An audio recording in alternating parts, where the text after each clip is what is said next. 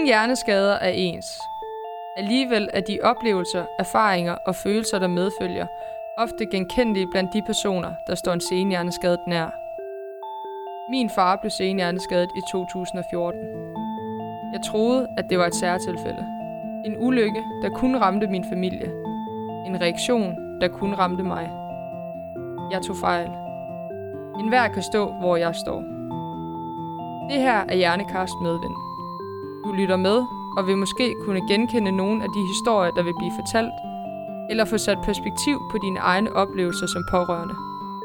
Du kan også lytte med, helt uvidende, og vil kunne få en større forståelse for, hvad det vil sige at være pårørende til en senhjerneskadet. Velkommen til dig, Susan. Jo, tak. Tak fordi, at du er kommet i dag for at snakke om det her med at være pårørende til en senhjerneskadet. Ja. Vi to vi har jo mødt hinanden igennem det her netværk, som jeg startede op i januar her i Aalborg for unge pårørende til senhjerneskadet. Ja. Og øh, da jeg laver den her øh, gruppe på Facebook, der beder jeg om, at man lige skal skrive, hvilken relation man har, før at jeg accepterer, øh, at man kommer ind som medlem. Og der kan jeg jo tydeligt huske, at, øh, at du skriver til mig, at du har en far, som døde den 11. april 2018. Ja. Og om man stadig var velkommen. Ja. Og selvfølgelig var man det. Ja. Så jeg er super glad for, at, øh, at du er i netværket sammen med mig, og, og selvfølgelig også de andre. Vil du ikke starte med lige kort at præsentere, hvem, øh, hvem Susan er? Jo, jamen, altså jeg hedder Susan, og jeg er 27 år gammel, uddannet historiker fra Aalborg Universitet øh, i 2018. Øh, og jamen, ellers så har jeg jo haft en far, der bliver hjerneskadet. Det bliver han øh, den 20. april, eller nej, den 20. juni 2017. Og jamen, så øh, stod jeg jo i en situation, hvor at, Altså først, da han bliver hjerneskadet, det gør han, øh, det er en trafikulykke, øh, hvor et, han kommer kørende på en invalidkrosser øh, nede ved Nordkraft, øh, nede ved Musikkens Hus, det kryds, der ligger dernede. Der bliver han øh, ramt af en venstre øh, bilist. Hun skal lave et venstresving, og det, øh, hun orienterer sig ikke. Og da at hun ikke gør det, så rammer hun ham med utrolig høj fart. Han bliver slynget direkte ud af den her crosser, og det gør jo så, at han bliver ramt med frontallapperne, øh, eller forruden ned først, og det er der, vores frontallapper sidder. Øhm, og han bliver hentet, altså det er så gralt, at øh, politiet de jo kommer derud, og ambulancefolkene kommer derud. Øh, til at starte med, da man henter ham, der kan man vække ham, altså han er ved bevidsthed, det glider han så ud af. Øhm, og som de fragter ham ind på hospitalet, og der er han blevet nu af bevidstheden. Øh, han bliver lagt i scanneren med det samme, og jeg har været til eksamen på det her tidspunkt. Øh, det er ikke gået så godt, men jeg var okay. Og jeg så kom hjem og havde ligesom planlagt, at nu var der sommerferie, fordi det næste, jeg skulle i gang med, det var mit speciale. Så jeg havde sagt til min mor, at nu var der nu måtte du gerne lave flæskesteg, så det var hun gået i gang med. Og så ser hun, øh, sådan som vi bor, i og med at jeg bor hjemme, så er det sådan, at man kan se igennem hækken, og at vi er vant til det område, vi bor i, at der er ældre folk, så ambulancer er ikke ualmindelige at se og sådan noget. Og det tror hun til at starte med, det er altså, det ambulancer og politibiler kan godt minde om hinanden, sådan lige når man ser det igennem en hæk i hvert fald. Og det, øh, det ser hun, og så tænker hun ikke nærmere over det, indtil at der lige pludselig står to uniformerede politibænd øh, inde på vores matrikel i døråbningen og spørger, om vi kender en Peter Holm Olsen. Øh, min mor siger, at det gør vi. Og jeg er på det her tidspunkt inde på mit værelse og hører, at der bliver, min fars navn bliver nævnt. Og jeg kommer så ligesom ud og siger, at det er min far. Og så siger de, at de er blevet kaldt ud øh, fra stedet. Altså, det er simpelthen været sådan, at man på ulykkesstedet har kaldt en patrulje og sagt, nu skal I ud og finde de pårørende, for vi ved ikke, om han overlever på vej ind, og vi ved faktisk heller ikke, hvor hurtigt døden den kan indtræffe, hvis det sker. Så det er vigtigt, at I finder de pårørende, så de er jo blevet sendt ud for at hente os. Eller i hvert fald informere os. Og det der så er, det at de spørger, om vi har bil. Det har vi ikke, så vi skulle med bus. Og med det samme, så siger de, at vi kører jer derud, simpelthen, og eskorterer os derud, øh, og igennem akutmodtagelsen, hvor et, at det jo kun er kan man sige, ambulancer og politifolk og sådan noget, der kommer igennem. Men det var vigtigt, at vi kom ind hurtigt. Og det gjorde vi, at vi bliver bedt om at, at vente. Og da vi sidder inde i ventelokalet, der øh, får vi at vide, at han er i scanneren, og det har man gjort med det samme, som han er kommet ind. Øh, de ved ikke, hvor lang tid på det her tidspunkt det tager, fordi det er omstændigt, fordi at de skal have undersøgt hele hjernen og også hele kroppen, altså generelt, om der er sket andre fraktioner. Øhm, og vi sidder herude, og det, det trænger ikke helt ind. Jeg får ringet til min faster på det her tidspunkt, og fortalt hende, hvad der er, er sket. Og så får jeg ringet til det her, på det her tidspunkt en af mine ekskæreste, bliver så senere hen i perioden min kæreste, øh, og fortalt ham, at, at det er sket og sådan noget. Han farer ud og er fantastisk på det her tidspunkt til ligesom at være der for mig. Øh, vi bliver fragtet fra ventelokalet, som er nede på akutmodtagelsen. Der bliver vi så henvist til intensiv. Der sidder vi og, og venter i, jamen, i hvert fald i flere timer. Og så, lige så kommer han jo op fra scanningen og bliver kørt ind på den intensiv overvåget afdeling, der er. Øhm, det man også kalder Notia. Øh, og der kommer han til at ligge, og der har man det, han har fået øh, så hårdt et slag mod hovedet, at hans øje det hæver op, så man ligger skinnen på ham. Han ser, han ser rigtig frygtelig ud på det her tidspunkt, og det er sådan, det er meget voldsomt, at du bliver præsenteret for, at, at øh, altså det ville det være lige meget, hvilke menneske du bliver præsenteret for, men nu, øh, i og med, at jeg er datter, så det at se min far på den her måde, det var meget voldsomt. Øhm, og det skal også, altså det, og måske det også bliver voldsomt af den tanke, at jeg havde faktisk en aftale med ham. Det her det er en tirsdag, ulykken den sker om torsdagen samme uge, skulle jeg have været op ved ham. Så det, det er sådan lidt, at man sidder og tænker, wow, livet det kan ændre sig lynhurtigt på et splitsekund. Øhm, og det resulterede jo så i, at, at han lå i medicinsk koma i lang tid. Altså det gjorde han i 3 til fire uger, tror jeg det var. At man turde ikke at vække ham, fordi hjernen skulle have lov at restituere sig. Men øh, om tirsdagen for ulykken, der bliver vi af en læge øh, fortalt, jamen, som han siger, og det er sådan ret det er en metafor, der er blevet ved mig øh, sådan generelt, øh, som jeg bruger meget efterfølgende. Han siger, at i den skærm fra Matador, hun er sådan en type, hun gør, hvad hun vil. Og da, man, da han siger det, der kigger vi, sådan, både min mor og jeg og Anders sådan, på hinanden og tænker, hvad, hvad handler det her om? Ikke? Men det ligger så i, at han siger, at sådan er hjernen også. At lige nu er hjernen stabil, men om en halv time, en time, tre dage, to dage, kan hjernen springe. Øh, og så går det galt. Altså, det kan man ikke, der kan man ikke gøre noget ved det. Og gør det, det så er han død. Det sker i midlertid ikke, men allerede om onsdagen eller torsdagen bliver vi kaldt ind. Altså, vi ringede ud på hospitalet sådan flere gange og hørte, hvordan han havde det. Altså, vi kom jo derud hver dag, men vi ringede også derud for sådan lige at høre øh, sådan generelt. Og der er en sygeplejerske, der simpelthen siger, at, at vi skal komme derud. Øh, vi har øh, nogle beskeder til jer. Og hun vil ikke fortælle dem. Og så ved man, at det er, altså, så er det alvorligt. Så er der ligesom stødt noget til. Og vi kommer derud, og der fortæller, der er den første læge, der var med til ulykken, der ligesom fortalte det her med Iben Skjern, han er med. Men der er også en ny læge og en administrerende sygeplejerske er også med. Og der siger han, at Peter kommer ikke ud af det her uden men. Og det, er så, ligesom, det har ligesom været den besked, han har ikke ville sige direkte, hvor skadet hjernen den var. Men det har været, været det, han mente. Han bliver så, man vækker ham, og det lykkes faktisk at vække ham, og han bliver også vågen. Øhm, han bliver så, så vågen, at man sender ham til Hammel. Øh, rigtig, rigtig fint jo. Nede på Hammel, der undrer man sig over, at han er rigtig, rigtig vågen, men man kan ikke man kan ikke komme i kontakt med ham. Han, er, han har åbne øjne og alt sådan noget, og de kan også sådan fornemme, at han kigger sådan rundt. Men der er ingen interaktion, og det undrer dem, fordi normalt, hvis han er hjerneskade, så hvis du er vågen, så skal du gerne være kontaktbar. Ellers så vil du sove meget mere. Øh, og derfor sender man ham egentlig til Aalborg igen og opererer ham i hjernen, så han får indlagt en ventil, fordi man dræner på den måde hjernen i håb om, at det så ligesom giver noget. Det gør det desværre ikke. Så han kommer tilbage til Hamel, og de gør jo et fantastisk stykke arbejde. På det her tidspunkt, der kæmper jeg med, jeg er enebarn, så det er mig, der, altså min faste er her også, men i og med, at jeg er nært blodblæsægtet med min far, så er det mig, der er den tætteste pårørende. Det er mig, der får alle sygehusbeskederne, alle politibeskederne, og alt øh, kommunebeskederne også, fordi at der bliver jo også sat kommune ind, og han får simpelthen en visitator sat på, fordi man skal finde ud af, hvad gør man i forhold til ham, ikke? Ja, fordi på det her tidspunkt, dine forældre er jo skilt. Ja, Ja, og han og min far har jo boet for sig selv i sin egen lejlighed og kunne varetage sit eget liv, ikke? Ja.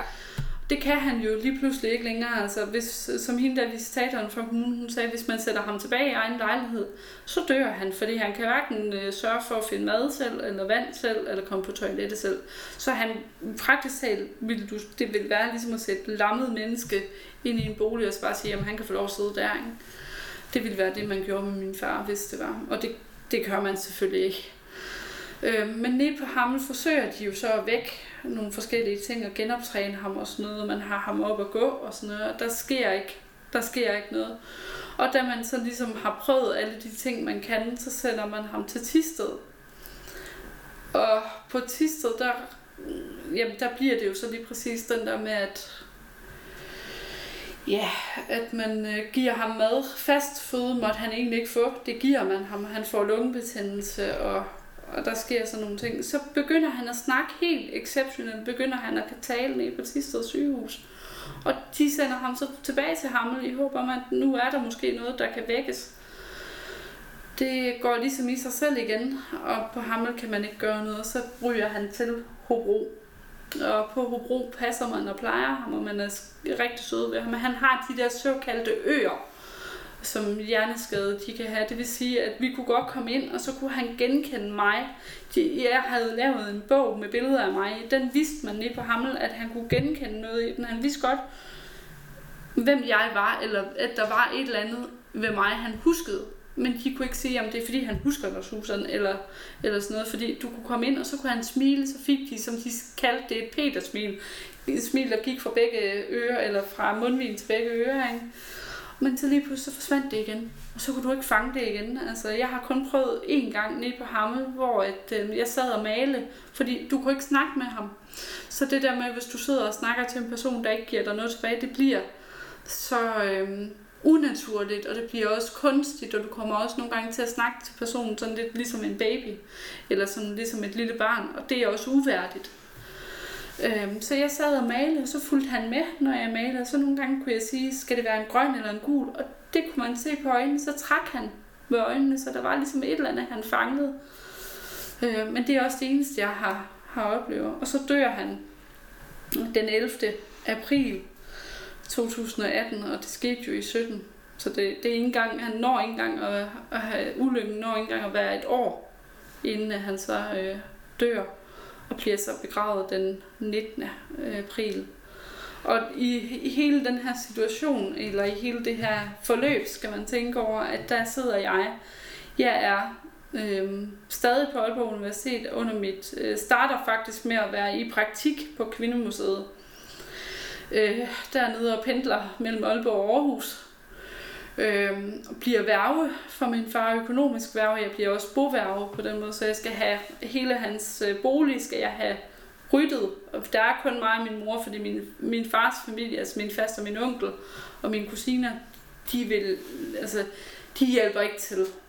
Øh, altså, det er ikke nødvendigvis det, fordi de ikke ville, men de har ligesom, vi har ikke kunne kommunikere det ordentligt til hinanden, og så er det bare ikke blevet på den måde. Øh, så min mor er jo fantastisk og træder fuldstændig til. Det gjorde hun også på ulykkesdagen. Altså, min mor har været der hele vejen igennem og været en kæmpe støtte og fantastisk menneske, ikke også? Øh, I den sammenhæng. Men så bliver jeg jo ligesom økonomisk værge, jeg bliver også den, der har med politiet at gøre, fordi politiet skal have lavet en, en retssag mod hende, der ligesom har kørt ham ned. Man skal se på, altså det bliver uagtsom manddrab, det ved man. Og det bliver også lægemsbeskrivelse, men så lige pludselig så bliver det sådan, fordi han dør, bliver det så lægemsbeskrivelse med døden til følge. Og det er så lige pludselig det, det de er ved at undersøge. Altså bare som vi sidder her nu, er sagen ikke engang, det er ikke engang afsluttet. Så jeg har det, selvom min far er død, og man tænker, at jeg er på den anden side. Det er jeg til dels også.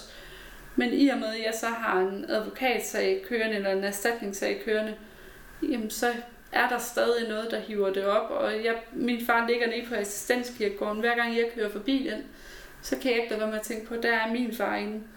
Så jeg har sådan det netværk, vi er kommet i, altså i medvind. Der er der jo dem, der jo har deres forældre stadigvæk. Og nogle gange har jeg tænkt, at jeg er no, måske endda nogle gange mere heldig, fordi min far ikke er her mere. Altså, jeg, det var det bedste, at min far han han døde, som han gjorde. Altså, det var også et valg, jeg tog. I Danmark har man ikke aktiv dødshjælp, og man har heller ikke altså det, vi kalder passiv dødshjælp, men du kan overgå til det, man kalder kærlig pleje. Og kærlig pleje vil sige, at man sulter ikke patienten. Øh, det er ret væsentligt, fordi det er jeg ligesom blevet anklaget for efterfølgende. Og nej, det gør man ikke, men man overgår til, at man stopper simpelthen behandling og undersøger ikke, hvad der sker mere i kroppen. Og det gjorde man ikke med min far. Altså, min far begyndte at få blodpropper. Dem undersøgte man simpelthen, fordi til at starte med troede man, det var vand om hjertet. Så derfor bliver han faktisk fragtet fra Hobro til Aalborg, og så undersøger man det, og så derefter så giver man ham noget blodfortyndende. Men det kan man heller ikke give for meget af, fordi giver man for meget af det, så har det indvirkning på hjerneskaden. Altså simpelthen, for han har blodkar i hjernen, og så kan blodet, der er størknet deroppe på hjernen, vågne op igen, om man vil. Men sidder du nu, fordi du væve for, for din far, og er det dig, der siger, at behandlingen skal stoppe? Ja, altså det, det er dit valg. Altså ham lægen, der er nede på Hobro, han er kinesisk, og de har jo en lidt anden kultur, så han ender egentlig med, da vi kommer derned, han har ringet til os i øh, marts og siger, at nu er det op over, nu er det, nu er det værsgo, I skal komme. Det viser sig, det er ikke så alvorligt, som han får det til at fremstå. Det er sproget, der gør, at det bliver misforstået. Okay. Vi kommer ned, og så siger han, at der findes det i hans kultur, man kan sige en god død og en dårlig død. Det forklarer han med, at den gode død, det er der, hvor det bliver værdigt. Altså, det er der, hvor man kan sige, at personen er ikke nået at blive... Altså, døden er ikke indtruffet i små bidder simpelthen, og kroppen er blevet hervet på den måde, så kan man vælge at overgå, hvis det juridisk er i orden. Det er ham, der vurderer, hvornår det juridisk er i orden. Så kan man overgå til det der kærlige pleje, og det betyder, at man giver lidt mere medicin. De, dem, der overgår til kærlig pleje, de når aldrig at fornemme, at de er ved at dø. Altså min far ville, altså som hende sygeplejersken på Hobro, hun sagde, at de havde nogen, der var ved deres hjernes fulde fem, men som er så langt hen ad kroppen den er ved at dø, at de fornemmer, de opdager, at de er ja. på vej til at dø. Det ville min far aldrig kunne. Men vi overgik jo så til kærlig pleje, for jeg kunne ikke, som han hedder så lige, den læge nede på Bro, han sagde, din far han vil blive ved med at få blodpropper øh, generelt, og det vil bare komme hele tiden øh, sådan i perioder, fordi min far kunne ikke bevæge sig. Han blev han sad i kørestol efter ulykken, altså da han er kommet op ned på Hammel, der sætter man ham i kørestol, og det gjorde man også ned på Hobro og Tisted. Han kunne ikke noget, han kunne til dels lige løfte øh, sin højre og venstre arm og klø sig. Øhm, og hvis du gav ham en gaffel til at starte med, så ville han kigge på gaffelen og vende den, og så ville han lægge den på bordet. Han ville ikke forstå, hvad den skulle bruges til. Det var først, når du satte den ned i for eksempel en kartoffel, og så kunne han fange forbindelsen. Men det var også det eneste han, han forstod. Ikke? Men til sidst, der vælger min far at pille slangerne ud. Altså man, lagde, man måtte ikke, øh, han blev så dårlig, at man kunne ikke give ham fast føde, så man giver ham sondemad igen. Og også væske. Han bliver så dårlig, at man indlægger de her slanger i næsen. Dem trækker han ud. Han forstår åbenbart, at de sidder der, eller så har de været ubehagelige. Det er jo spørgsmålet, ikke? Men han trækker det i hvert fald ud, og så til sidst, så siger vi jo til lige, da han ligesom siger, at nu er det, hans tal så dårlige, at nu kan vi godt lade ham overgå til kernepleje. Og kernepleje, så er der ikke noget livsforlængende perspektiv i det. Så må du overgå til det. Og det var der ikke for min far, anden at det var et fysisk hylster af kroppen, der var tilbage. Og så overgår vi til kærlig pleje, og efter det, der begynder han at kroppen begynder ligesom at lukke ned. Den fik nogle forskellige symptomer, og han mister blod og, og sådan noget. Og det, er jo, det har ikke noget med hjerneskaden at gøre, men det har simpelthen været fordi, at kroppen har været så dårlig, sandsynligvis på grund af det med hjerneskaden, at så lukker den ligesom bare ned. Og så dør han jo øh, den 11. april. Og efter det der, øh, der skulle vi jo så have ryddet. Vi havde ryddet hans lejlighed, øh, op på Grønlandstorvet øh, og fået, den, fået styr på den, og så havde han jo egentlig fået tildelt en øh, bolig for senhjerneskade på et center, der hedder Atrup Høj. Ligger ude i Vodskov. Fantastisk center og fantastisk personale. Der havde min mor og jeg Jamen, det har nok været den 20. marts, at vi har været deroppe og gøre lejligheden simpelthen så pæn og ordentlig, og der var, det, der var blevet så hyggeligt. Og den 21. der ringer lige og siger det her, og der snakker vi så om kærlig pleje, det er det, vi lader ham overgå til. Øhm, eller ja, egentlig, han snakker egentlig om det, og på det tidspunkt kan jeg ikke tage beslutningen, fordi det der med lige pludselig at blive herre over et andet menneskes liv, det synes jeg var meget voldsomt. Jeg gik ud og ringede til min faste, og vi snakkede sammen. Hun, min far har altid sagt, at hvis han kom til at ligge som en grøntsag, så ville han ikke være her mere. Så det, det vidste vi. Så det, det var også en rigtig god, et godt perspektiv. Min, altså det kan jeg kun råde til, at man ligesom snakker med sine kære om, hvad vil du helst have, der skal ske, hvis at der skulle ske mig noget. Fordi det gjorde for min faste og jeg, at vi vidste, at far han havde det sådan her. Hans, min fars bedste kammerat, han bekræftede os også i det. Så det, det kan jeg kun opfordre til, at selvom at døden er svær at snakke om, at man så alligevel, hvis man har børn, eller man har søskende, man siger, på lige høre her, skulle jeg komme til at blive udsat for det, så skal I gøre sådan og sådan fremadrettet i den situation. Ja, fordi jeg tror, der er jo mange, der har det sådan. Altså, det er jo ikke, det er jo igen det der med værdigt. Hvad er værdigt? Ja. Det er jo ikke værdigt at, at, at være en grøntsag. Nej, og det, det er jo det. Men døden er svær at tale om, ja, så man ja. oplever også mange gange, at faktisk at familier står i den situation, de aner ikke, hvad deres øh, hvad det kære ville have ønsket. Og det var mit held her. Min far, han altid har været åben på den måde og været meget direkte. Ja. Så jeg vidste jo, men derfor var beslutningen meget svær. Jeg, jeg skulle lige til at sige, det kan godt være, at han har sagt det, ja. men lige pludselig så er, det jo, så er det jo hans skæbne, du lige pludselig står med ja, altså, altså, i, jeg, i hånden. Ikke? Altså. Fuldstændig. Jeg følte mig jo, altså det er voldsomt at kalde det morder, men det er at tage et andet menneskes liv og simpelthen at tage beslutningen. Men det valgte vi jo så at gøre. Så i påsken, det er så lige inden april, øh, fordi det var sådan i slutningen af marts, lige ind i 1. april, der bliver han faktisk så rask, eller kroppen bliver rask igen. Så der, øh, altså vi havde snakket om det, og jeg kunne ikke helt tage beslutningen, da lige han ligesom kørte op, fordi det var så voldsomt. Men var ligesom havde indfundet mig med det der omkring påske. Men der bliver han så så rask, så der må vi ikke gøre det. Og der fortrød jeg rigtig meget, øh, som jeg sagde, på det tidspunkt sagde til min kæreste Anders, at ej, jeg skulle bare have gjort det, og, og hvorfor gjorde jeg det ikke? Så kommer den der dårlige samvittighed af, at man ikke bare har taget beslutningen, og så punker man en selv. Ikke?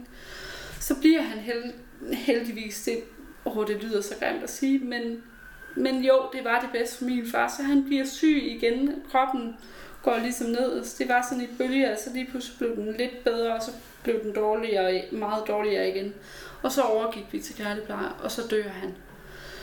Susan, nu, øh, nu har du fortalt historien om, hvordan forløbet har været med din far.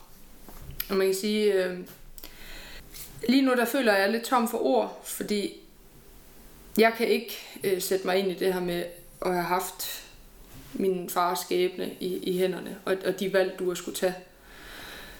Men jeg kan jo godt sætte mig ind i, det forløbet med det, og det her, hvor man prøver at gå ind og lave noget genoptræning, og, og man ser de her små fremskridt, og så er de der ikke alligevel, og, og det er mega hårdt.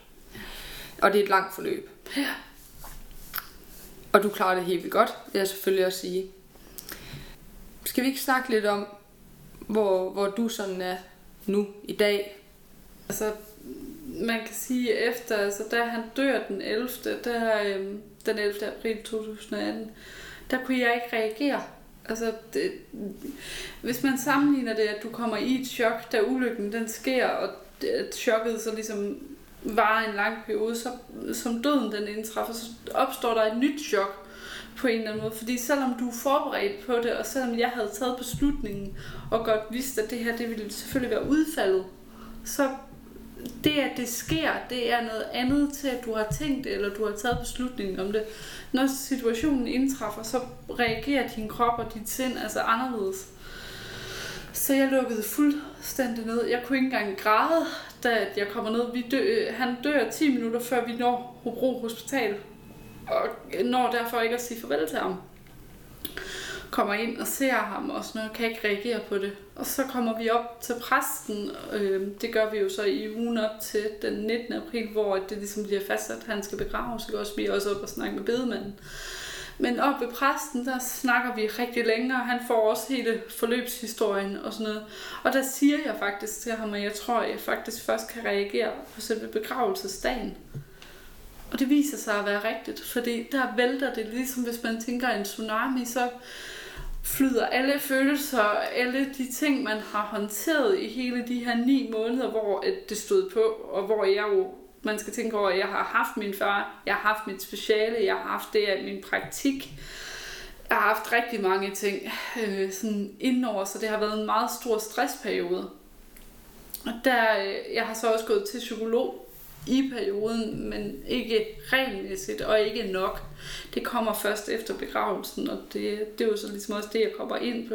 Men til begravelsen, der vælter den her tsunami ind over, da jeg kommer ind i kapellet, og man ser den her kiste, den her hvide kiste, der står op på podiet, øhm, hvor man ved, at hendes far ligger, og det, det er så virkelig den der, at det her det er det endelige, endelige, endegyldige farvel, som min mor tit siger, at døden det er der bliver det klart. Øhm, han havde, øh, vi havde, jeg havde lavet, at det skulle være med roser og brudestyr, og det var simpelthen fordi, at det var min øh, buket, jeg fik lavet, da jeg bliver konfirmeret. Den, den havde ligesom relation til, at min far kom ned i kirken, da jeg bliver konfirmeret, så det havde han set. Jeg vidste ikke, hvad for nogle blomster min far han elskede. Så det var derfor, vi gjorde det på den måde. Så havde det relation til det igen sammenhæng mellem ham og mig. Og så havde vi et slips, jeg havde lavet. Min far var Michael Jackson-fan, stor fan, og det er jeg jo også selv. Så jeg havde lavet det her slips i guld, hvor silhuetten af Michael Jackson var. Øhm, det havde jeg lavet til en gang, jeg skulle være Michael Jackson klædt ud. Det fik han med. Så man lå på kisten, og det blev brændt sammen med ham i uren og kom ned. Ikke? Og hans uren, den er blå, fordi min yndlingsfarve, den er blå. Men der, der endte det med, at man virkelig fornemmede, hvor voldsomt døden det er, og hvor voldsomt det endegyldige farvel det er. Men det var så smuk en begravelse, og det var så smukt det aftryk, præsten han ligesom også sagde, at, vi, at han havde efterladt, at kærlighed er altid forbundet med sorg, og det vil det altid være, fordi du kan ikke have elsket uden at føle sorg, fordi du vil altid miste, og når du mister, så mærker du kærligheden, og det er sorgen, du så mærker på den måde. Men så min mor var jo en genial kvinde, må man sige, fordi hun så sagde, ved du hvad, vi gør noget, enten går vi i biografen en uge og spiser, eller finder på et eller andet, og vi tog til Aarhus på to orangebilletter, og der hyggede vi os ned, og det kan jo lyde så mærkeligt, at man tænker efter en begravelse, at man tager ned. Vi ville ikke have gravøl, fordi så stor er vores familie ikke. Og så stor var min vennekreds til min far heller ikke, så det var, ikke ligesom, det var ligesom ikke oplagt at gøre det på den måde. Så vi tog til Aarhus og hyggede os, og det kan jeg egentlig bagefter, hvis jeg skal sige det til andre og give inspiration til andre på den måde, tror jeg, det er en god idé, at man vælger at sige, at altså gravøl, det kan være fint for nogen, og bestemt, man skal gøre det, man kan mærke, man har behov for, og det familien har behov for. Men hvis man ikke er så stor en familie, og man kan mærke, at man har behov for noget andet, så gør det til et eller andet positivt, selvom det er så negativt som noget, det kan være. Fordi den dag i dag, når jeg kigger tilbage på min fars begravelse, så var det en god dag. Det var en solskinsbetonet dag, hvor jeg kunne tænke, at Gud han har taget ham til sig på en god måde. Han er fløjende sted på en god måde. Og så er jeg jo begyndt til psykolog efterfølgende. Jeg har været i et netværks... øh, for inden det her medvind, som jeg er kommet med i efterfølgende efter min fars død, har jeg været i en pårørende gruppe ude fra Aalborg Universitet, hvor det var pårørende til hjerneskade. Så det, det var ligesom indforstået, at det var hjerneskaden, der var centret øh, for gruppen. Og det tror jeg, det er vigtigt. Jeg, jeg, du skal altid gøre, hvad du selv føler for. Jeg kan kun sige, at enten tage og gå til psykolog, få snakket med ham, hende, øh, omkring de ting, du føler, og få det håndteret på den måde med en professionel. Fordi du kan ikke håndtere det selv, og dine venner og familie, bestemt, at de kan hjælpe dig. Det har min mor også gjort, det har min øh, kæreste, eller min ekskæreste nu også rigtig meget gjort, og mine venner har også været fantastiske. Jeg havde min bedste veninde, hun var der hele tiden og skrev til mig hele tiden, hver dag i hele forløbet. Og det er jo super.